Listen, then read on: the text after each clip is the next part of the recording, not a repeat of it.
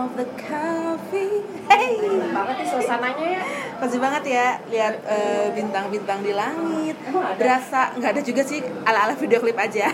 Berasa pengen bikin video klip seperti bintang-bintang. tapi bapak suka ada tuh momen-momen video klip gitu apa nggak dengerin musik gitu kan dari Apalagi kalau lagi di bis ya nggak sih? di bis atau kan di travel di mobil travel Pokoknya lagi kita lagi on the way denger lagu-lagu yang ya. Suka ada gitu momen video klip lagu-lagu sendu langsung mata sayu menatap keluar jendela sambil nyender ke kaca. Seolah-olah kita model video klip tersebut. iya. Baik lagi sama Dia Pamela. Dan balik lagi sama Ines Naisha. Hey Rangers. Hai, Cuaca guys. hari ini gimana sih? Selalu membingungkan gitu jadi bikin badan juga agak enakan gini nih Sometimes panas, sometimes dingin, sometimes hujan, sometimes terik, ya gitulah. angin-anginan ya kayak gebetan aja gitu Anjing gebetan. iya jadi kan apa eh, kita mesti benar-benar jaga kondisi tubuh Oh kayak iya gue sekarang sih. juga lagi agak gak enakan nih jadi Oke. Oke, thank you. Thank Kita you. lagi ada di dua Dua warna, shout Dua out to warna. dua warna. Thank you banget udah ngasihin tempat yang super cozy-nya buat kita take di sini sekarang. Eh, eh, Kita sekarang take episode 5. Eh 5 ya bener kan ya? Iya, kita udah episode kelima setelah libur kemarin. libur kemarin karena seminggu. satu hal dan lainnya kata kesibukan masing-masing di mana lo ngerjain proyek tambang lo dan gua ngerjain proyek eh, kebun sawit gua Ya, gila tambang, tambang.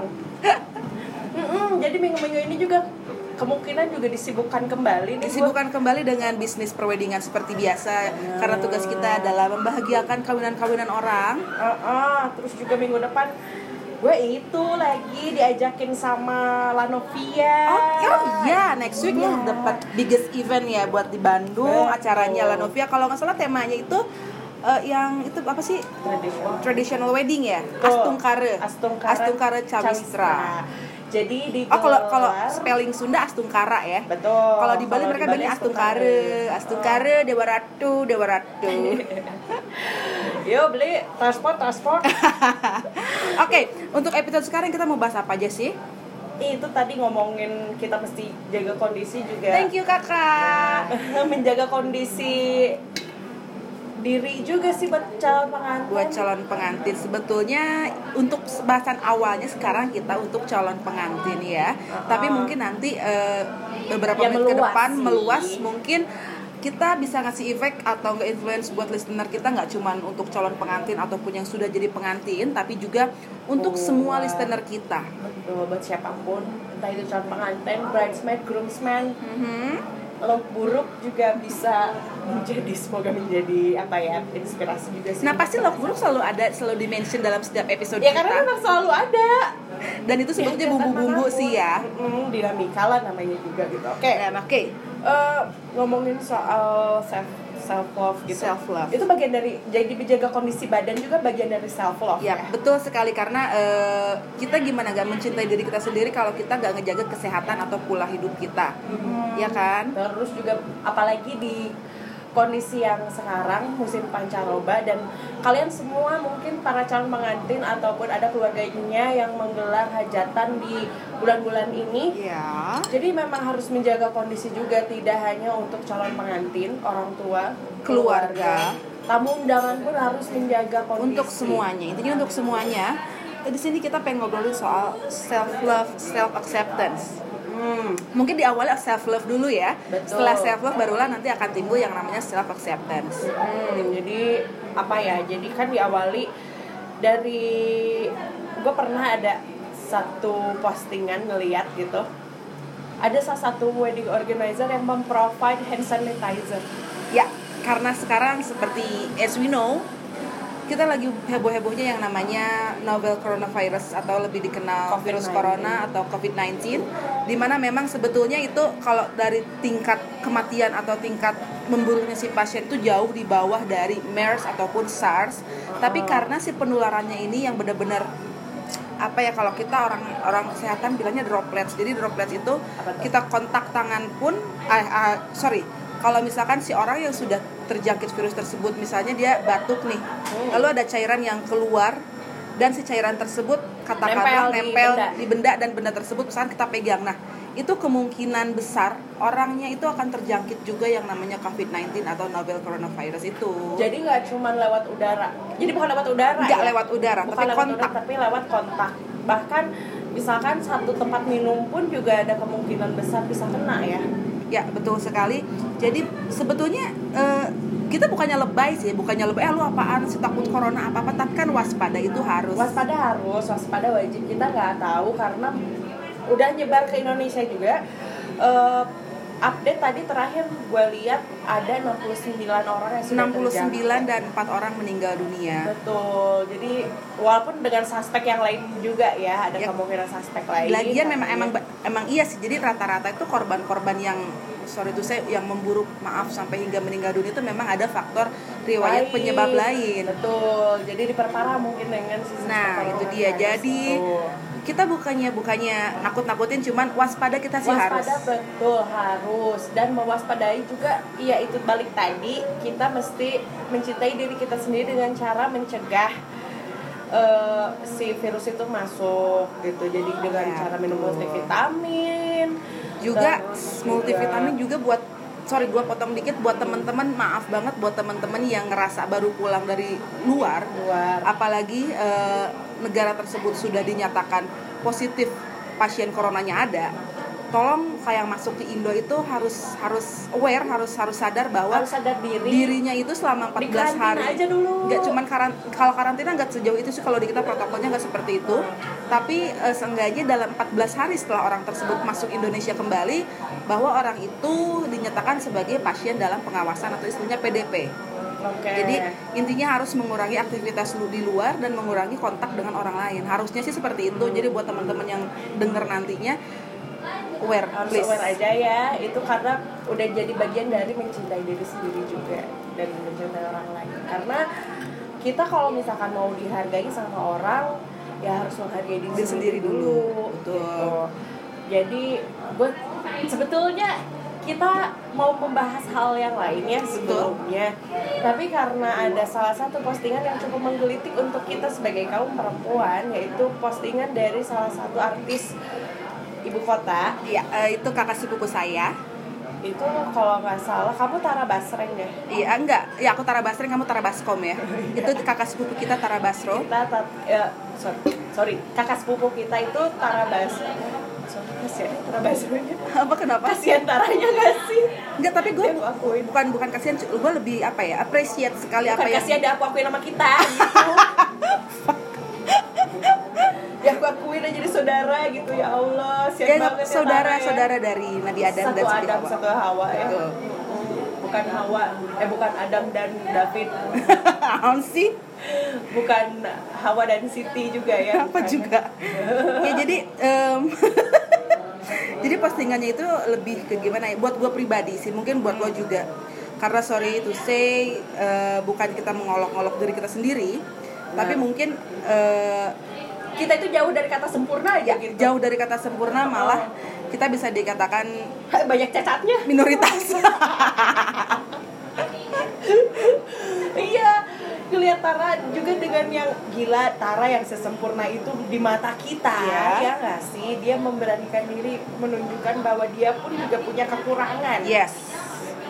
gila itu kayak menggelitik aja kayak gue sedikit tersentil dengan postingan dia yang itu yang memang cukup apa ya fenomenal jadi bikin kontroversial katanya kata Kem eh, apa Kominfo itu Mhm. bilangnya di Pornografi. iya bagian dari pornografi padahal dia tidak melihat konteks dari isi Yes, pesan yang betul. disampaikan sama taranya sendiri gitu untuk Betul. mengkampanyekan dirinya sendiri mencintai diri sendiri tapi ya gimana kalau misalkan kita mau mengkampanyekan mencintai diri sendiri tapi tanpa ada visualisasinya Iya. itu kumaha gitu ngiklaninnya ya mungkin Betul. dengan cara Tara seperti itu jadi kita bikin aware jadi kita bikin tersadar tersentil bahwa gila yang seperfect Tara Basro aja dia punya lipetan perut dia Stretch juga mark. punya stretch mark dia punya selulit. Yes. dan dia bangga akan hal itu. Karena dia sudah menanamkan self love dalam dirinya itu. Jadi intinya eh, iya apa ya? She love just the way she is. Oke, gue sekilas mau baca captionan dia ya. Gue sekilas mau baca captionan dari Tara Basro yang berbunyi kurang lebih dari dulu yang selalu gue denger dari orang adalah hal jelek tentang tubuh mereka. Akhirnya gue pun terbiasa ngelakuin hal yang sama, mengkritik dan menjelek-jelekan. Andaikan kita lebih terbiasa untuk melihat hal yang baik dan positif, bersyukur dengan apa yang kita miliki dan make the best out, make the best of out, shit, make the best out of it daripada fokus dengan apa yang tidak kita miliki. Setelah perjalanan yang panjang, gue bisa bilang kalau gue cinta sama tubuh gue dan gue bangga akan itu. Let yourself bloom. Oke, gue coba lihat lagi. Tadi ada salah satu kalimat yang yang bikin gue tersadar Tersadar. akan hal itu. Oke, gua gua tanya lo dulu. Dari kalimat Tara tersebut, kalimat mana yang benar-benar bikin uh, Iya. lo ter apa ya, tersadar tersentil lah istilahnya? Nah, jadi yang ini nih. Fokus dengan apa yang tidak kita miliki. Fokus dengan apa yang tidak kita miliki. Itu kayak damn, ya juga ya.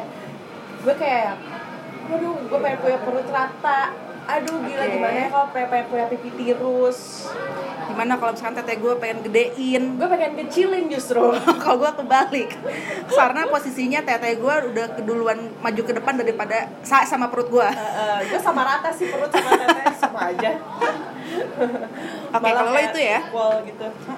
Kalau lo apa? kalau lo eh, kalau kalau gue sih lebih ke kalimat terakhir let yourself bloom jadi kalau buat gue tuh itu simple banget very very short sentence tapi maknanya itu jadi intinya ayo dong kita tuh semua tuh punya hak untuk berkembang Diak. even lu short even lu tall thick Ah. or thin tapi kita semua punya hak untuk berkembang apa pun keadaannya diri lo lo berhak untuk kembangin apa yang ada di dalam diri lo Kadang gue juga suka benci sama eh, standar kecantikan kebanyakan orang. Ya, karena uh, spelling cantik itu bukannya K U R U S. Bukan P U P U T I H. Ya, tapi C A N T I K, cantik.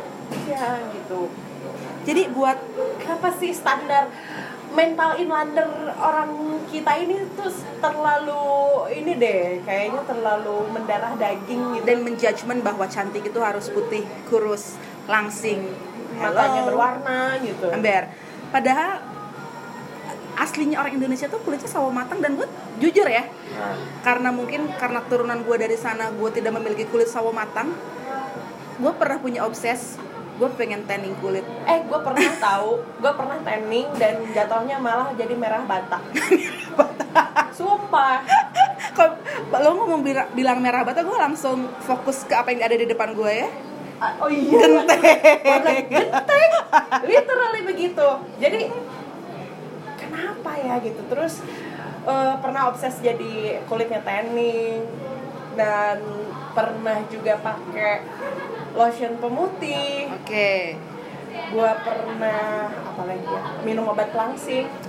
Nah gue juga kalau minum obat pelangsing gue pernah ngalamin itu dan oke sekarang di sini for the first time gue buka di sini keluarga gue nggak ada yang tahu laki gue nggak ada yang tahu siapa pun nggak ada yang tahu. Pernah suatu saat dulu gue sampai masuk rumah sakit gue opnam Heeh.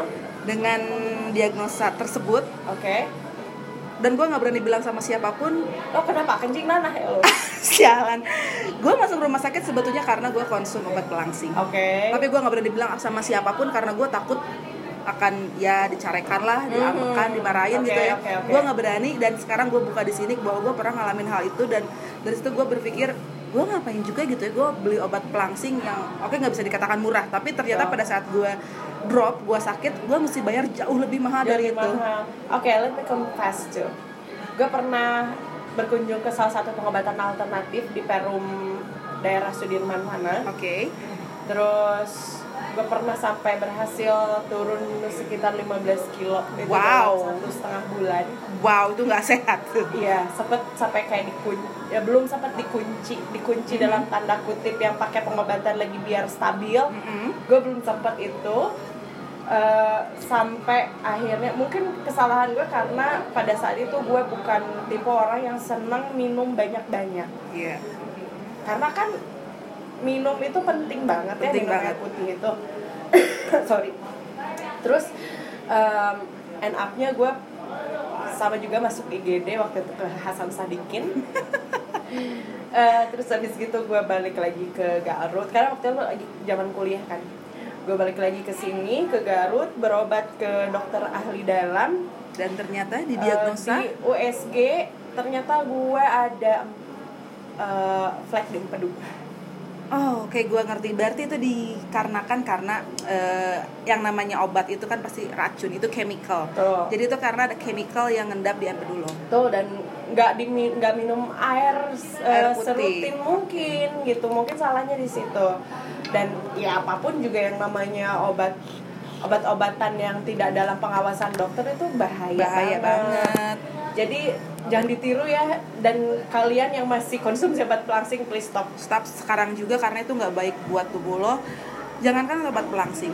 Eh, sorry to say untuk yang kayak masih suka inject whitening oke atau infuse whitening, Uh-uh. kolagen dan macam-macam, lo jangan pernah berani-berani ngelakuin hal itu tanpa di bawah pengawasan dokter lo. Betul. Sekarang banyak banget ya eh, yang apa inject whitening yang dijual bebas di pasaran. betul. Apalagi yang kayak sampai dicampurin di lotion katanya kan ada juga tuh. Kalau yang sebatas dicampurin di lotion, kalau yang gue tahu itu nggak terlalu nggak terlalu efek sih. Itu katanya sampai ada yang kayak kelebihan steroid gitu sampai kayak apa ya? eh, kayak stretch marknya yang gede. Oh iya? Ada, ada, ada banget Oke. yang kayak gitu. Gue baru tahu tuh. Soalnya kalau eh, yang gue tahu, ini kalau eh, pikiran gue sebagai orang awam sih ya. Oke. Karena mungkin kan eh, si serum tersebut nggak masuk ke tubuh. Gue pikir sih kayak gitu. aha. Tapi tetap nyerap aja sih kalau Iya sih ya. kayak kayaknya ya itu Uh-uh. eh, apa ngelihat dari postingan banyak banyak Oh iya. Heeh, serius jadi buat apa Oke, so karena kita wedding rangers, Ah, kita mau ngasih tahu nih buat sekarang baru kita lebih menjurus nih buat brides to be. Betul. Karena kita ada beberapa cukup lumayan banyak klien kita yang akan lebih yang lebih banyak cewek sih ya pengantin cewek, calon iya, mempelai wanita. banyak yang di menjadi pusat perhatian adalah pengantin wanita. Ya mereka lebih concern bukan concern sih lebih ketakutan kalau dirinya terlihat gemuk pada saat Benar. hari H. Terlihat gemuk atau kulitnya terlihat kusam dan mereka melakukan berbagai hal salah satunya Secara diet instan. ekstrim. Ya instan juga betul. Karena alasannya ini kan biar kebaya gue masuk. Betul. biar kulit gue kelihatannya glowing nggak kusam mereka melakukan segala hal. Dan pada kejadiannya pada saat hari H malah gue pernah kejadian satu dua kali malah pasien eh si pasien malah si pengantinnya jadinya drop. Oh gue pernah sampai black out tuh mempelainya. Nah itu juga itu bahayanya. Jadi kita sih cuman pengen kasih pes- kita pengen kasih pesan sama calon-calon pengantin kita. Karena di- kita di Indonesia mostly setiap pengantin memakai kebaya. Tuh tong hari wang beb jangan khawatir karena lu- sadar gak sih kalau kebaya kebaya itu salah satu pakaian yang menurut gue magic ajaib. Hmm, karena lo akan terlihat cantik dengan menggunakan kebaya tersebut Ya. no matter what your size is. Ya, no matter what your size is, thick or thin, small or big, asalkan lo pakai kebaya tetap kelihatan cantik. Makanya kenapa gue bilang kalau kebaya itu adalah outfit yang benar-benar magic karena kelebihan kebaya itu. iya Jadi so kenapa lo mesti harus ketakutan terlihat gemuk, ketakutan kulit lo kelihatan kusem? Ayolah, please. Ini salah satu bukti self love buat para calon pengantin gue. ya in case kalau misalkan eh, kalian semuanya lebih rajin berolahraga rutin berolahraga Betul untuk sekali. bikin badan fit selama acara berlangsung. Betul itu nggak apa-apa banget. Kita mempersilahkan sekali.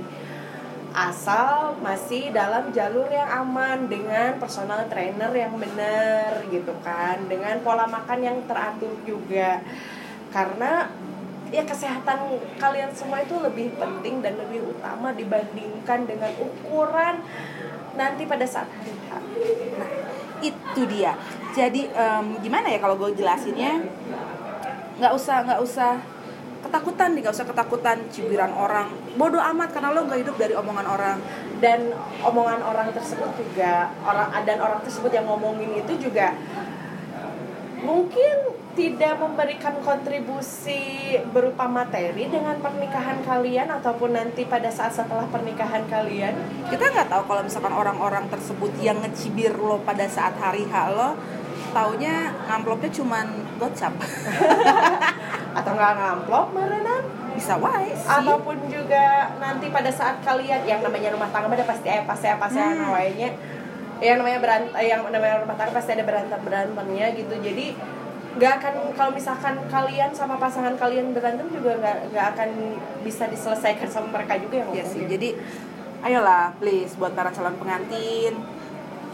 Yang sudah jadi pengantin jangan jadi bridesmaid. Biasanya tuh bridesmaid juga ya Ya. aku pengen pengen kelihatan gaun aku bagus gitu. Jadi aku melakukan serangkaian treatment. treatment ya oke let's say nggak apa-apa sangat tidak apa-apa. Kami sangat menganjurkan untuk treatment segala macam tapi treatment yang sesuai dengan jalurnya. Ya luluran lah bukan yang instan spa. ya? Ya omat kade lah pokoknya harus cintai diri kamu sendiri karena nanti kalau misalkan hal itu amit-amit sampai terjadi sama kalian biaya yang akan dikeluarin. Lagi-lagi cuan cuy. cuan cuan cuan cuan. Karena biaya yang lo keluarin buat ngerawat diri eh bukan ngerawat sih buat mengubah diri lo secara instan akan jauh lebih besar di saat lo kena ef- efeknya. Tuh percaya karena gue pernah ngalamin hal tersebut dan itu kita pernah ngalamin. It's a bad boncos experience. anjir. Boncos daynya boncos sumpah. Kita habis dan Wah, belum lagi recovery-nya tuh nggak butuh wak- butuh waktu yang nggak sebentar. Bener bener. Terus yang ada malah beneran kurus jadi kurus tapi nggak seger. Hmm. sumpah gue pernah ya. Ah, ngapain? Jadi pada saat itu ceritanya gue udah eh, keluar opnam kurang lebih satu minggu. Heeh. recovery sudah selesai pada saat emang gue kurus. Oke. Eh, dan gue ngaca kok muka gue lo tau gak sih kalau dulu ada ada kartun Droopy yang anjing bulldog itu? Oh iya iya iya iya iya. Yang di Tom and Jerry. Iya iya iya. Mati ah. sa- satu kebangsaan sama Tom and Jerry tuh Iya. gue lihat muka gue di kaca French gitu ya. Bulldog. French bulldog yes gue gue kan gue tuh memang dari orang udah cabi ya. Gue liat muka gue kok ini pipi gue kok lebih kayak si Droopy gitu. Wow. Jadi merosot merosot ke bawah gitu kayak ada apa sih istilahnya kayak kantung gitu muka gue nah dari, situ- dari situ oke gak apa-apa gue tetap eh, alhamdulillah kalau dari dulu sih dari dulu sih gue mencintai diri gue ya. Meskipun gue pernah mengalami hal tersebut tapi yang orang nggak lihat orang lihat cuma muka kita. Oke. Gue telanjang gue lihat diri gue di kaca. Itu so sad. Menyedihkan sekali. Oke. sorry gue agak sedikit eh ya nggak apa-apa nggak apa-apa ya? mau jorok mau jorok juga Jorok nggak apa-apa ya? Pantat gue tuh yang sekarang demplon dong. Uh, Yeah. bukan lagi jil aja Ah. lewat. Oke. Tepos Sampai- bahasa Indonesia nya apa sih? Ya tepos. Tepos eh iya, tepos gitu ke bawah udah. Ah Tuhan gue nggak mau lagi ngalamin masa-masa kayak gitu lagi. Gue bener-bener gue liat pantat gue tepos perut gue yang bergelam. Jadi tau gak sih lo yang tadinya perut gue tuh gede oke. kecil? Emang kecil sih kecil tapi bergelambir ngerti gak sih lo? Ya ya ya ya ya ya ya kayak kalau anjing betina yang lagi nyusuin. Begitu kayak si Jola ya sekarang. Kayak si Joel kucing gue sekarang kayak gitu. Yang bener-bener oke kayaknya gue memang udah stop nggak usah coba-coba yang kayak gitu lagi. Mm-mm. Oke, kalau kalau gue sih lebih ke gue sampai kayak istirahat sebulan dari situ gue kuliah, terus habis gitu eh, gue masuk lagi dan sampai kayak kumat lagi, padahal gue lagi nggak konsumsi sama sekali, udah gak konsumsi. Dan gue kumat sorry kumat. Sakau maksud lo? Coy. Berarti pada ngira gue pakau jual-jualin barang lagi. Waduh bahaya. Gak, jadi sampai kayak pernah sampai kumat itu sak- sakit di bagian perut sampai ke punggung. Jadi tembus gitu. Karena itu bermasalah dengan ginjal lo mungkin ya. Apa dulu karena eh, dengan riwayat ada flek tersebut yang lo bilang tadi sih bener kayaknya. bener. Jadi since that day gue gak lagi dan gue terakhir denger katanya udah nggak buka praktek lagi dan beliau juga sudah tidak ada di tempat itu gak ada di perumahan itu karena ya Allah gue masih kayak di syukuran yang berlipat-lipat syukuran. Mhm. karena gue denger katanya ada salah satu pasien yang malpraktek ada yang meninggal. Ya Tuhan. Itu jadi gue dari situ tersadar gue ini udah dikasih umur kesempatan lagi untuk dikasih umur yang panjang sama Allah gitu. Kenapa lo nggak manfaatin sebaik mungkin untuk jadi orang yang bermanfaat aja lah? Gitu ya gue ini masih lihat-lihat postingannya dari postingannya Tara Basro nih ya. Uh-uh. gue di sini gue ngutip nih ada yang komen atas nama Ciala atas nama. Ada yang komen di feednya Ta- Tara Basro itu dari Reza Gunawan. Mm-mm. simple oh dia itu pakar itu ya pakar holistik ya? Oke. Pengobatan holistik. Ini simple sih cuman meaningful. Dia bilang kayak gini You are always lovable and worthy to be treated kindly, especially by and from yourself. Ah, Ya kan, jadi tuh intinya tuh kita tuh dapat predikat cantik atau sempurna itu bukan dari orang lain, Benar, tapi berkat dari diri kita sendiri. benar. jadi makanya kalau misalkan ada yang nyuruh nyuruh gemukin dong diet dong Dedenya teuing. ya oke kalau misalkan ngingetinnya baik untuk tujuannya mungkin gue kegemukan karena takut gue jadi obesitas jadi penyakitan sih it's okay Iya. tapi kalau misalkan in case of kayak nyuruh harus kecilin karena ngelihat penampilan sih gue kayak nggak akan denger ya Ya, betul. Jadi eh, intinya buat lo yang masih pada insecure, insecure dengan the way you look saat ini, coba deh eh, dikit-dikit lo ngerubah mindset lo dari insecure menjadi bersyukur. ah bener jadi bersyukur lo masih dikasih nafas nih Alhamdulillah sekali. bener ini gue dikasih nafas cuma setengah aja udah ngap-ngapan gila Jadi intinya tuh kita semua we are all, all of us able to love. bener terus juga ada salah satu pesan lagi gue pernah ngeliat di apa ya karena pas gue waktu itu eh, sekitar akhir tahun gue pernah dihadapkan salah, sa- salah satu masalah yang gak pernah gue alami seumur hidup gue yaitu jerawatan yang Yeah. parah banget Oke. gue di situ kayak sampai benci terus menutupi dengan make up dengan segala macem dan filter-filter yang ada di Instagram terus juga ya tetap perawatan juga dengan ikhtiar, Ikhtiar, ya oke. ikhtiar itu wajib kan jadi dengan berbagai macam perawatan dan alhamdulillah sekarang sih udah udah nggak ada lagi muncul tinggal bekas-bekasnya aja Mhm. gitu dan dan gue bangga sih dengan bekas-bekas ini karena cuy gue pernah lihat ada salah satu postingan eh, orang itu kayak setengah mukanya kebakar Ya Tuhan. karena habis kemo Dia kena cancer gara-gara nggak gara-gara entah gara-gara apa tapi dia lagi kemo dan dia bangga dan dia selfie sambil tersenyum Ah, Iya iya iya, gue gue pernah tahu tuh Iya. banyak banyak yang jadi speak. Jadi karena kekurangannya dia karena penyakit yang dia idap, tapi akhirnya dia jadi influencer, dia jadi speaker Bener. untuk kasih motivasi orang banyak. Itu bener-bener gue standing applause, gue appreciate banget sama mereka.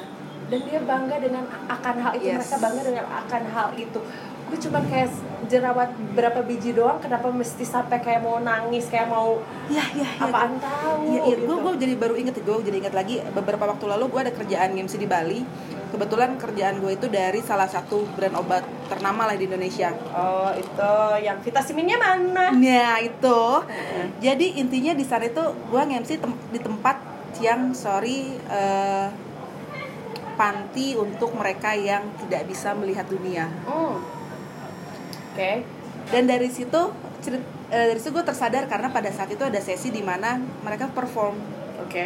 Ada yang nari, ada yang nyanyi nyanyi, dengan suara yang bagus main ya. musik, dan ya Tuhan, seumur umur gue baru nge-MC, gue bicara depan orang banyak dengan suara gue yang bergetar karena gue gue jadi pengen nangis ya? Karena gue merasa kecil di hadapan mereka. Ya.